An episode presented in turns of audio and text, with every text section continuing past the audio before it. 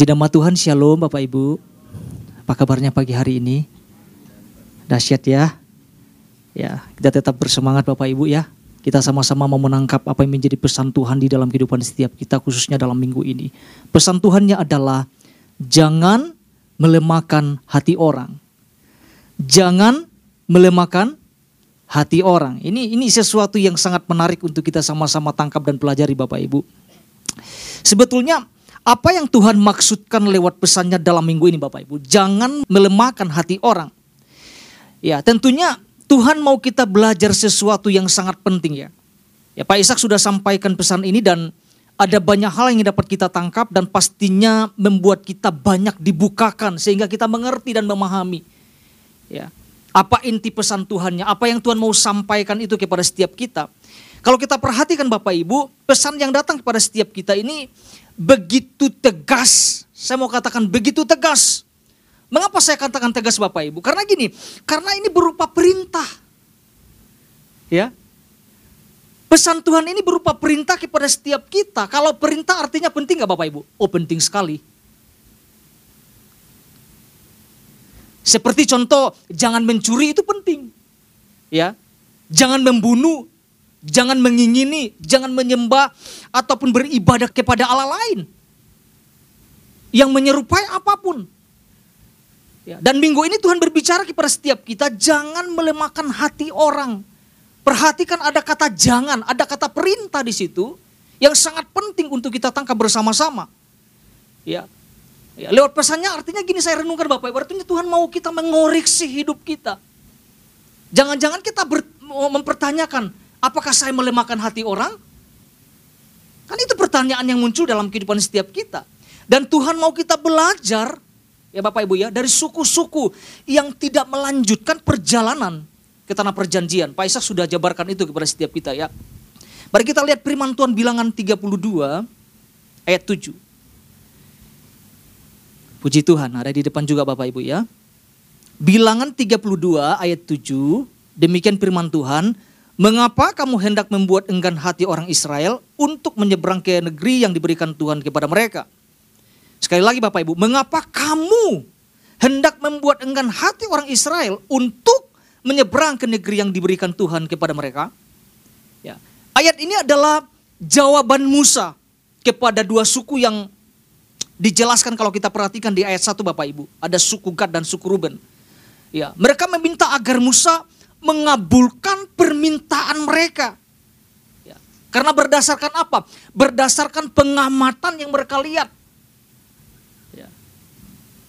Bahwa gini Bapak Ibu, tanah Yeser dan tanah Gilead itu adalah bagus untuk didiami, bagus untuk peternakan, bagus untuk melanjutkan kehidupan mereka.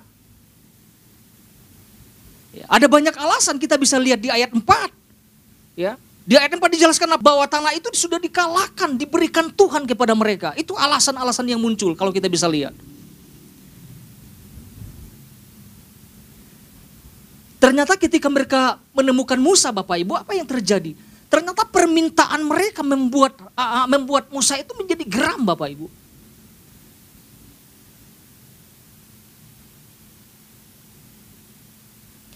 Apa yang Musa katakan? Kita sudah baca, mengapa kamu hendak membuat enggan hati orang Israel?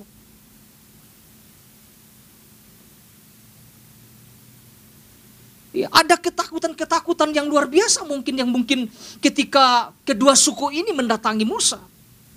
Ya, Musa takutkan, yang takutkan adalah yang Musa takutkan adalah jangan sampai keputusan mereka ini membuat hati orang lain itu menjadi lemah. Bisa kehilangan keberanian untuk maju, untuk menyeberangi sungai Yordan.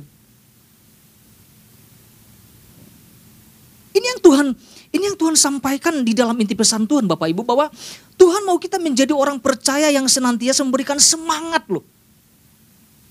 Dan memberikan inspirasi kepada orang lain dan bukan sebaliknya. Saya coba merenungkan ini. Ya. Bukankah ada banyak orang-orang percaya ya berperilaku seperti ini mematahkan semangat orang lain.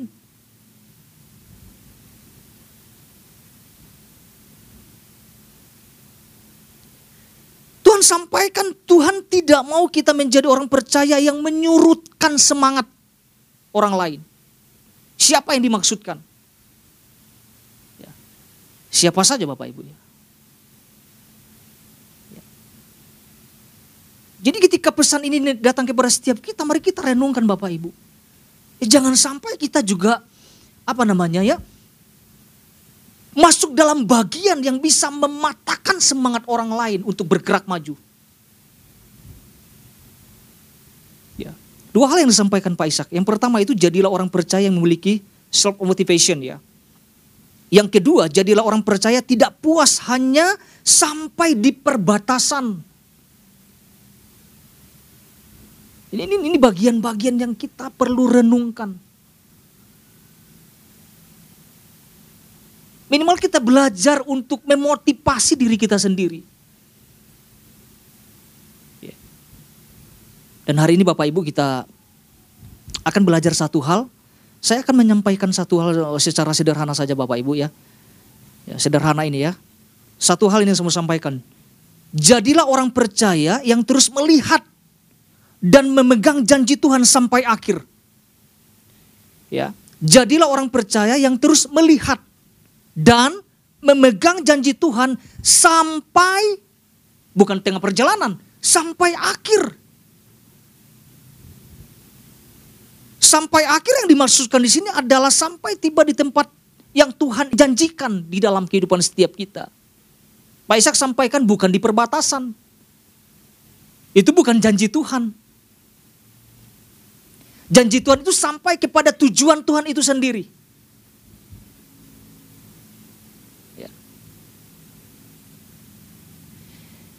Kita tahu bahwa dua setengah suku memutuskan untuk tidak melanjutkan perjalanan mereka ke tanah perjanjian Bapak Ibu.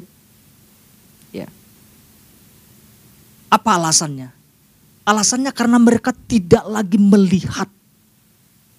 Tidak lagi memandang bahwa tanah perjanjian itu bukanlah bukan lagi sesuatu yang penting buat mereka, bukan lagi sesuatu yang utama bagi mereka. Yang mereka lihat apa? Gilead. Mereka tidak melihat apa yang Tuhan sudah berikan kepada mereka. Yang mereka lihat adalah di sekeliling di sekitar mereka. Ini ini udah mantap nih dia di sini, ya kan? Hati-hati Bapak, dari awal Tuhan udah bicara bahwa ada tanah yang Tuhan janjikan. Tapi bisa-bisanya di tengah perjalanan di perbatasan mereka memutuskan untuk tidak berangkat. Ya. Mereka tidak melihat, mereka tidak lagi memandang bahwa tanah perjanjian yang Tuhan berikan bukan sesuatu yang istimewa lagi buat mereka. Bukan sesuatu yang utama lagi buat mereka. Ya. Makanya mereka memilih untuk diam atau berhenti di perbatasan. Kita melihat oh, firman Tuhan dasarnya Bapak Ibu. Bilangan 32 ayat 5, 8 dan 9. Kita akan lihat bersama-sama Bapak Ibu. Ayat 5. Firman Tuhan berkata, lagi kata mereka, jika kami mendapat kasihmu, biarlah negeri ini berikan kepada hamba-hambamu ini sebagai milik. Ini perhatikan selanjutnya. Janganlah kami harus pindah janganlah kami harus pindah ke seberang sungai Yordan. Ayat 8. Demikian juga dilakukan bapak-bapakmu. Ini jawaban Musa Bapak Ibu. Ketika aku menyuruh mereka dari Kades Barnea untuk melihat-lihat negeri itu. Ayat 9. Mereka berjalan sampai ke lembah Eskol, melihat-lihat negeri dan membuat enggan hati apa? orang Israel sehingga mereka tidak mau pergi ke negeri yang diberikan Tuhan kepada mereka. Jadi apa yang dapat kita lihat dari ayat ini Bapak Ibu? Ya, kita bisa melihat bahwa mereka tuh mendesak Musa. Mereka memaksa Musa. Mereka memaksakan kehendak mereka untuk berdiam di tanah, di tanah Gilead. Kita bisa melihat mereka tidak mau belajar kepada pendahulu mereka. Apa yang terjadi? Mereka melakukan apa namanya tindakan yang sama, keputusan yang sama. Ya. Melemahkan hati orang, membuat enggan hati orang lain dengan keputusan keputusan yang mereka buat. Bahkan Alkitab mengatakan sehingga mereka tidak mau pergi ke negeri yang diberikan Tuhan kepada mereka. Ngotot Bapak Ibu.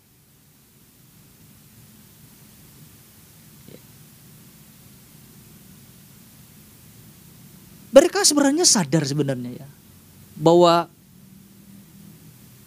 tempat yang mereka minta itu bukan bukan bukan yang Tuhan kehendaki. Mereka ngerti. Tapi karena dibutakan mata mereka karena melihat keadaan tanah Gilead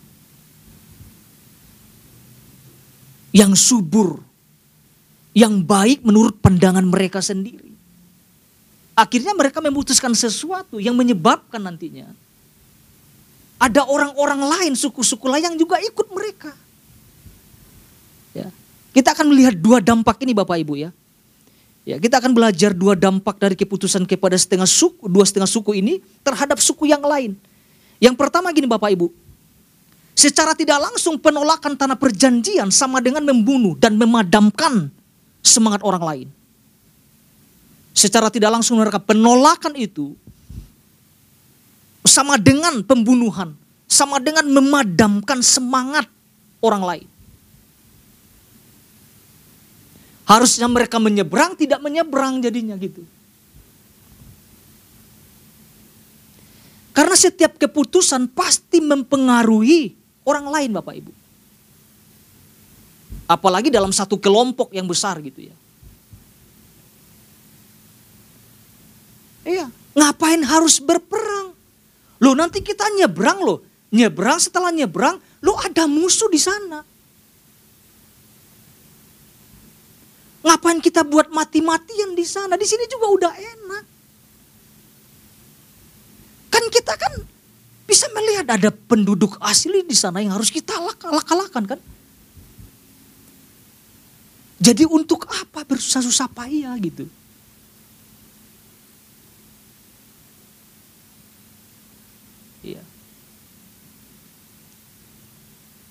Mungkin bahasanya mungkin kalian nggak lihat nih.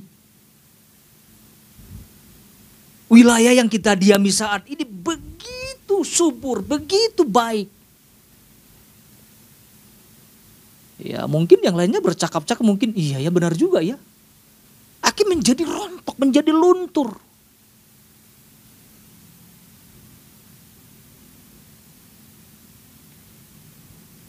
Jadi penolakan terhadap tanah perjanjian itu dapat memadamkan. Ya. Dapat melunturkan semangat orang lain yang seharusnya sedang membara, sedang bersemangat, tiba-tiba ada keputusan sepihak. Akhirnya apa? Tidak melanjutkan perjalanan. Akhirnya melemahkan. Ya benar juga ya kata kelompok ini, suku ini ya. Ngapain juga kita menyeberang? Kata-kata itu ngeri, keputusan itu ngeri. Kalau nggak sesuai dengan tujuan Tuhan. Artinya gini Bapak Ibu, jangan sampai kita berada dalam posisi seperti ini. Yang bisa mengambil keputusan yang tidak sesuai dengan yang Tuhan Tuhan mau gitu. Sehingga mempengaruhi orang lain untuk tidak bergerak maju. Bukan memotivasi lagi, tetapi menghancurkan, memadamkan semangat, membunuh semangat seseorang untuk terus maju. Untuk untuk terus menggenapi janji Tuhan. Ya. Ya, artinya kita perlu mengoreksi di sini. Kita perlu mengoreksi diri kita semua. Jangan sampai nanti keputusan saya, keputusan mungkin kita Bapak Ibu, membuat orang lain itu kehilangan semangat gitu loh. Itu jangan sampai terjadi Bapak Ibu. Jadi kita bersyukur sekali Tuhan Tuhan ajar uh, Tuhan ajarkan kita melalui pesannya dalam minggu ini. Ya, saya percaya kita Kita belajar ya dari hari Selasa kita coba belajar, menangkap supaya kita tidak termasuk bagian itu gitu loh. Yang kedua dampak yang kedua. yang kedua, ini sudah saya jabarkan di awal Bapak Ibu.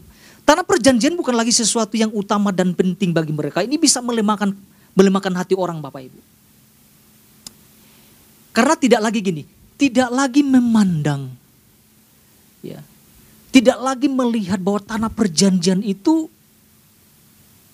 sesuatu yang sangat luar biasa yang Tuhan berikan loh.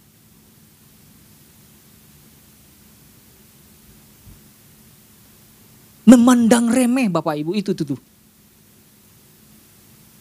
Memandang ah, tanah perjan itu yang Tuhan janjikan itu ah biasa-biasa saja. Nah itu tuh. Sama halnya memandang bahwa ibadah itu bukan sesuatu yang penting. Ini contoh sehari-hari Bapak Ibu. Dulu kita kesulitan untuk ibadah bersama-sama Bapak Ibu. Cukup lama kita sulit banget untuk beribadah bersama-sama tuh. Namun setelah membaik, dibuka kembali.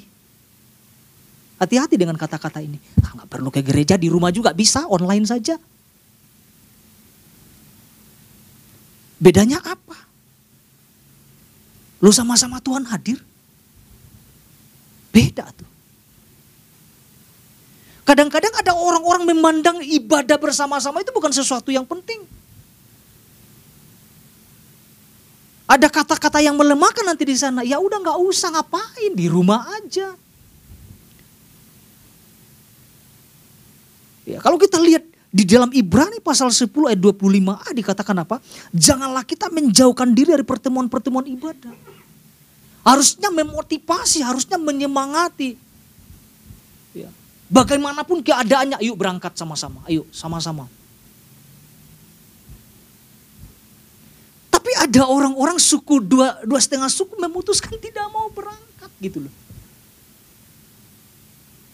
Saya percaya pengaruhnya besar. Ketika mereka memutuskan tidak mau berangkat, yang lain juga jadi lesu gitu loh, jadi lemah.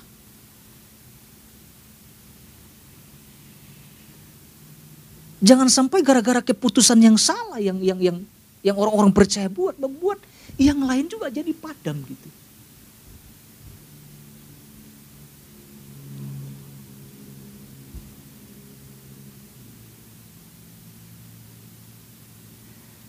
Kalau kita mempelajari dalam dalam pasal itu 32 Bapak Ibu, kalau kita lihat perikopnya, setengah suku Malaysia kan tidak langsung langsung ikut kan ketika dua itu memutuskan, tidak langsung ikut. Ya. Di ayat 33 dijelaskan. Akhirnya mereka memutuskan. Jadi ada waktu.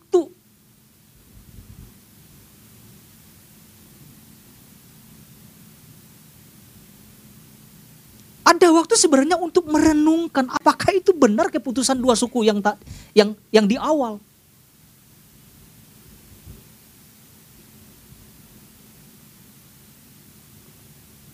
Ya ternyata dampaknya kan juga setengah dari suku Manasya juga memilih untuk tinggal di Gilead loh. Itu jelas Alkitabnya bicaranya seperti itu.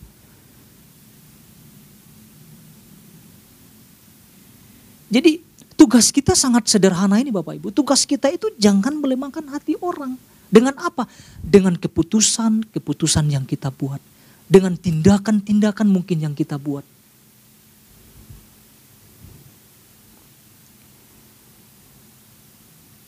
Jadi sederhana ini saja yang kita mau belajar Bapak Ibu. Ya.